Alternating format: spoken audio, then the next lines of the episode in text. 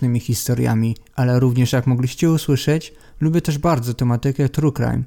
Z tego powodu mam dla Was krótki odcinek o dzieciach, które mordowały. Dzisiaj poznamy historię Roberta Thompsona, Johna Venables oraz Jamesa Bulgera. Jest to pierwszy odcinek z serii pięciu. Morderstwa opisywanych dzieci były tak brutalne, że zostały one osadzone jak osoby dorosłe. Na początek zbrodnia, która wstrząsnęła Wielką Brytanią z uwagi na młody wiek sprawców oraz brutalność, jaką dokonali zbrodni. Dwoje dziesięciolatków, Robert Thompson i John Venables z 1993 roku uprowadzili i zabili z zimną krwią dwuletniego Jamesa Bulgera. Robert Thompson oraz John Venables nie mieli łatwego dzieciństwa. Robert, urodzony 23 sierpnia 1982 roku, miał jeszcze sześciorgo rodzeństwa. Ojciec porzucił rodzinę, co spowodowało, że jego matka zaczęła sięgać po alkohol oraz próbowała popełnić samobójstwo.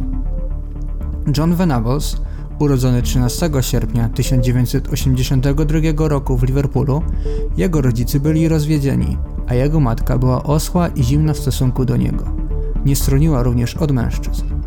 12 lutego 1993 roku Robert Thompson i John Venables opuścili szkołę i udali się do centrum handlowego New Strand w Butu, skąd próbowali uprowadzić swoją pierwszą ofiarę. Nie był nim jednak James Bulger. Najpierw próbowali porwać trzyletnią dziewczynkę i jej dwuletniego brata, jednak im się to nie udało. Swoją uwagę przynieśli niestety na dwuletniego Jamesa. Zauważyli go w sklepie mięsnym, gdzie był wraz ze swoją matką Denise Fergus. Kobieta trzymała dziecko za rękę, ale w momencie, gdy płaciła za zakupy, dwoje dziesięciolatków skorzystało z okazji. Zwabili go do siebie i uprowadzili chłopca. Gdy tylko matka zauważyła zniknięcie dziecka, powiadomiła policję oraz ochronę centrum. Od razu zostały nadane komunikaty o porwaniu chłopca poprzez głośniki w centrum. Wszyscy byli przekonani, że porwania dokonała osoba dorosła. Jednak kamery zarejestrowały zupełnie coś, czego się nie spodziewali. O godzinie 15.42 zobaczyli, jak troje dzieci opuszczało centrum handlowe. Dziesięciolatkowie zabrali dwuletniego Jamesa Bulgera do innego miasta. Mijali mnóstwo ludzi, którzy sądzili, że trzej chłopcy są rodzeństwem. Chociaż znaleźli się tacy, którzy byli zaniepokojeni zachowaniem chłopców w stosunku do Jamesa. Sprawcy kopali i bili dwulatka na oczach innych ludzi. Niektórzy przechodnie reagowali na to, lecz po zadaniu kilku pytań chłopcom pozwalali im odejść, najwidoczniej wierząc w ich wersję.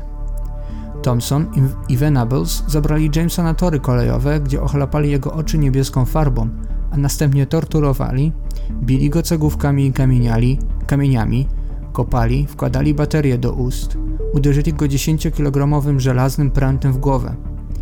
Dwulatek doznał łącznie 42 obrażeń całego ciała.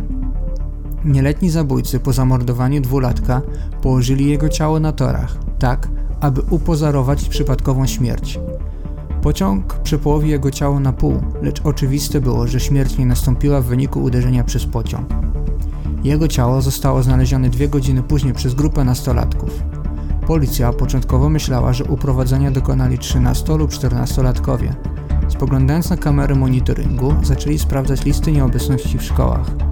Wkrótce jednak otrzymali anonimowy telefon, w którym zostali poinformowani, że za zbrodnią mogą stać Thompson i Venables, gdyż nie było ich w szkole, a dodatkowo tego drugiego widzieli jak szedł z niebieską farbą. Policja sprawdziła dom obu chłopców. Znaleźli tam dowody zbrodni. Na kurce Venablesa była widoczna niebieska farba, a na butach Thompsona krew. Zostali aresztowani 18 lutego 1993 roku. Thompson nie przyznał się do winy, natomiast Venables nie miał z tym najmniejszego problemu. Psychiatrzy, którzy towarzyszyli przy tej sprawie, uznali, że obaj chłopcy byli świadomi czynu, lecz nie zdołali wyjaśnić motywu tej straszliwej zbrodni. 24 listopada 1993 roku Robert Thompson oraz John Venables zostali uznani winnymi porwania i morderstwa dwuletniego Jamesa Bulgara. Tym samym zyskali miano najmłodszych skazanych zabójców Wielkiej Brytanii.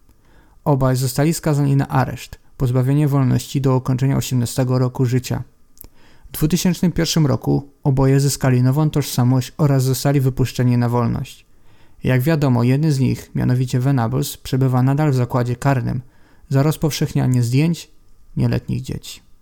Jak mogliście usłyszeć, zbrodnia, którą dokonali obaj chłopcy, była bardzo brutalna. Psychiatrzy nadal nie wiedzą, co doprowadziło Roberta i Johna do popełnienia tak straszliwej zbrodni. Dzięki wielkie za wysłuchanie. Do następnego. Hej.